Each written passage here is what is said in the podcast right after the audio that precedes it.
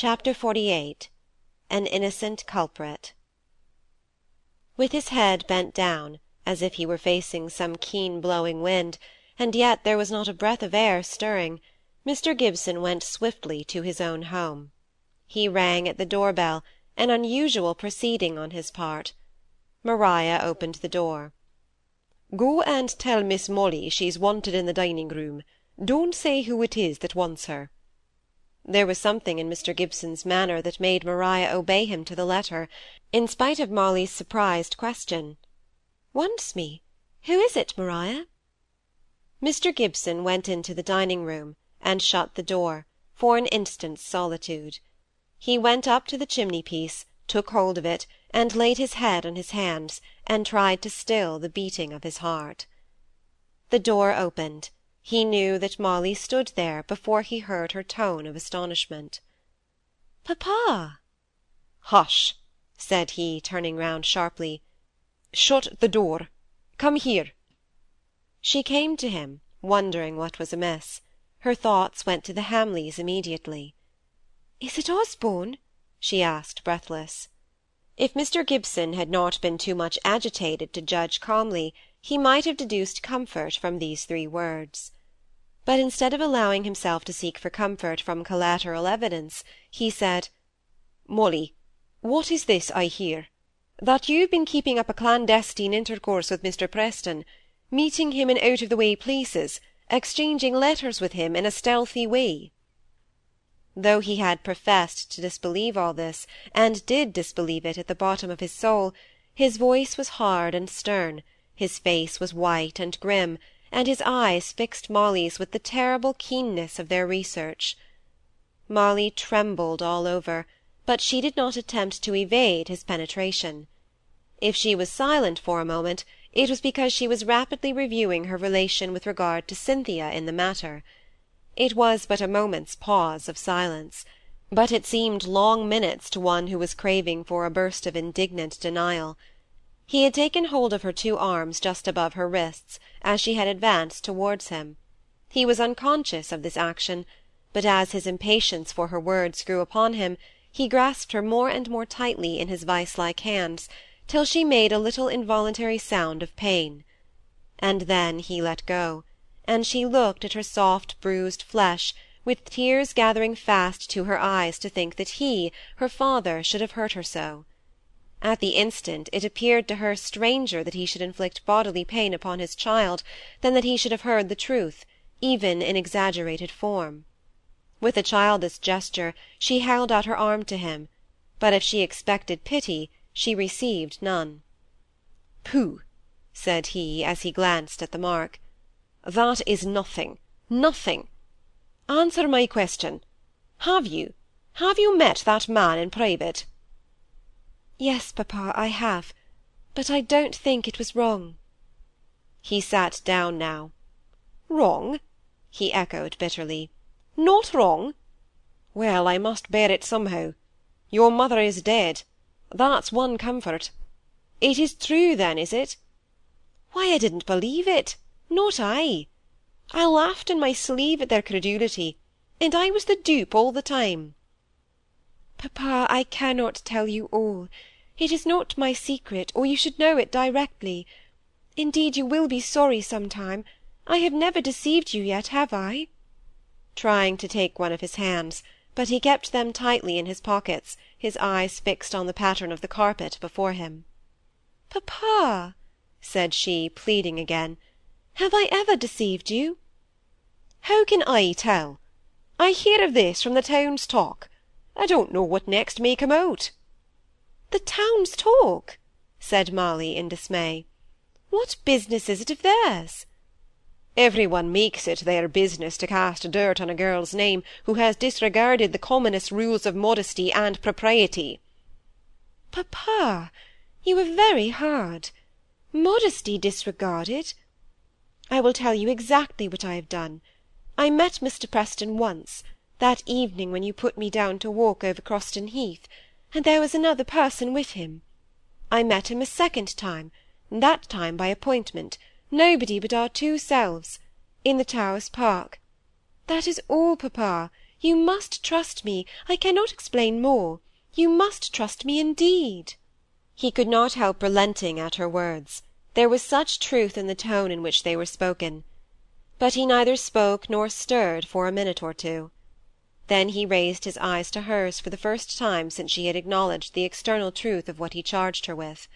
Her face was very white, but it bore the impress of the final sincerity of death, when the true expression prevails without the poor disguises of time.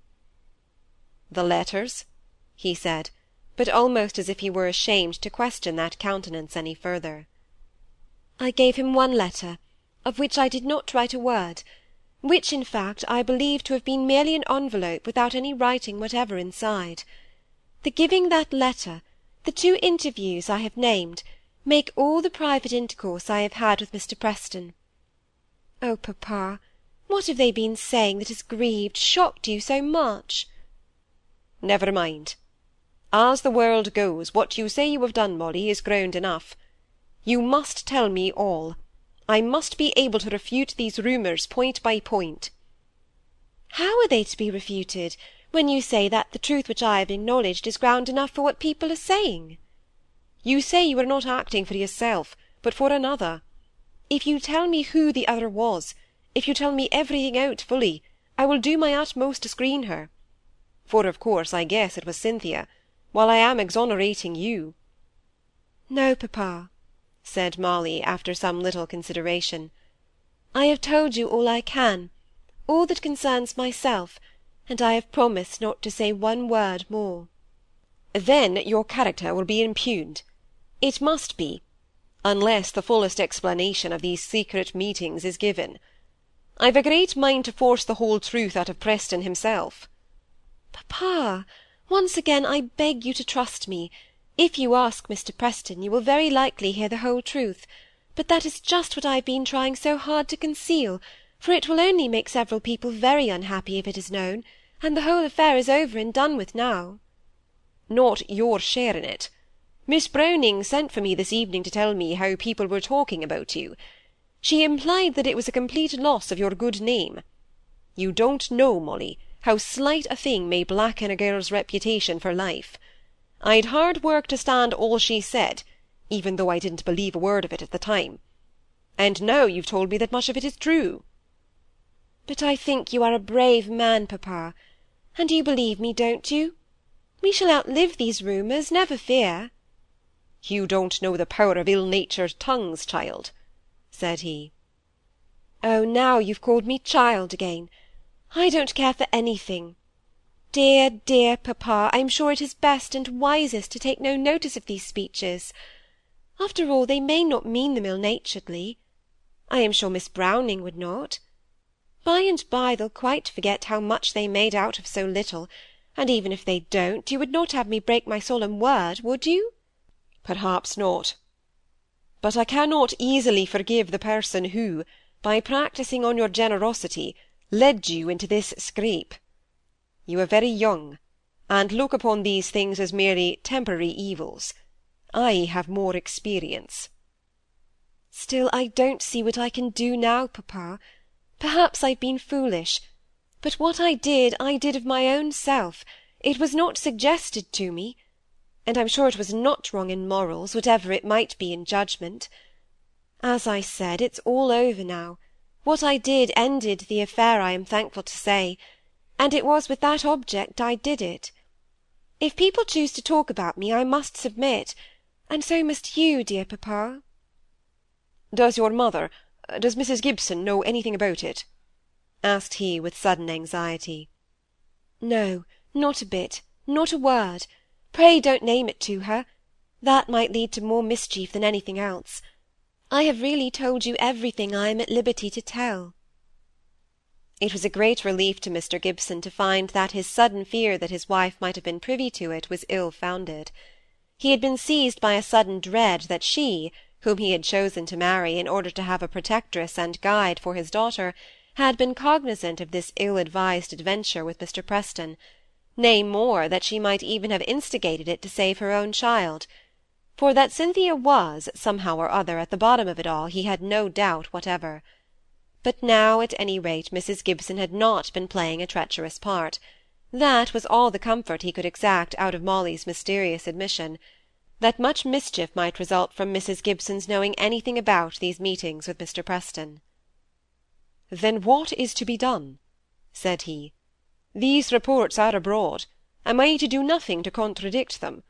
Am i to go smiling and content with all this talk about you passing from one idle gossip to another i'm afraid so. I'm very sorry for i never meant you to have known anything about it and i can see now how it must distress you. But surely when nothing more happens and nothing comes of what has happened the wonder and the gossip must die away. I know you believe every word i have said and that you trust me papa. Please for my sake be patient with all this gossip and cackle. It will try me hard molly said he for my sake papa. I don't see what else i can do replied he moodily unless i get hold of preston. That would be the worst of all. That would make a talk. And after all perhaps he was not so very much to blame. Yes he was. But he behaved well to me as far as that goes said she suddenly recollecting his speech when mr sheepshanks came up in the towers park. Don't stir you have done nothing to be ashamed of that's true a quarrel between men which drags a woman's name into notice is to be avoided at any cost but sooner or later I must have it out with Preston. He shall find it not so pleasant to have placed my daughter in equivocal circumstances. He didn't place me. He didn't know I was coming, didn't expect to meet me either time, and would far rather not have taken the letter I gave him if he could have helped himself. It's all a mystery. I hate to have you mixed up in mysteries. I hate to be mixed up, but what can I do? I know of another mystery which I am pledged not to speak about. I cannot help it. Well, all I can say is, never be the heroine of a mystery that you can avoid, if you can't help being an accessory. Then I suppose I must yield to your wishes, and let this scandal wear itself out, without any notice from me. What else can you do, under the circumstances? Ay, what else indeed? How shall you bear it? For an instant the quick hot tears sprang into her eyes. To have everybody, all her world, thinking evil of her, did seem hard to the girl who had never thought or said an unkind thing of them. But she smiled as she made answer. It's like tooth-drawing. It will be over some time. It would be much worse if I really had been doing wrong. Cynthia shall beware, he began, but Molly put her hand before his mouth. Papa, Cynthia must not be accused or suspected. You will drive her out of the house if you do. She is so proud and so unprotected, except by you.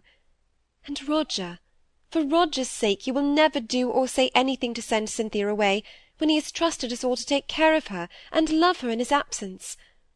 Oh, I think if she were really wicked, and I did not love her at all, I should feel bound to watch over her. He loves her so dearly and she is really good at heart, and I do love her dearly. You must not vex or hurt Cynthia, papa. Remember she is dependent upon you. I think the world would get on tolerably well if there were no women in it. They plague the life out of one. You've made me forget amongst you poor old Job Houghton that I ought to have gone to see an hour ago. Molly put up her mouth to be kissed. You're not angry with me now, papa, are you? Get out of my way, kissing her all the same. If I'm not angry with you, I ought to be, for you've caused a great deal of worry, which won't be over yet awhile, I can tell you.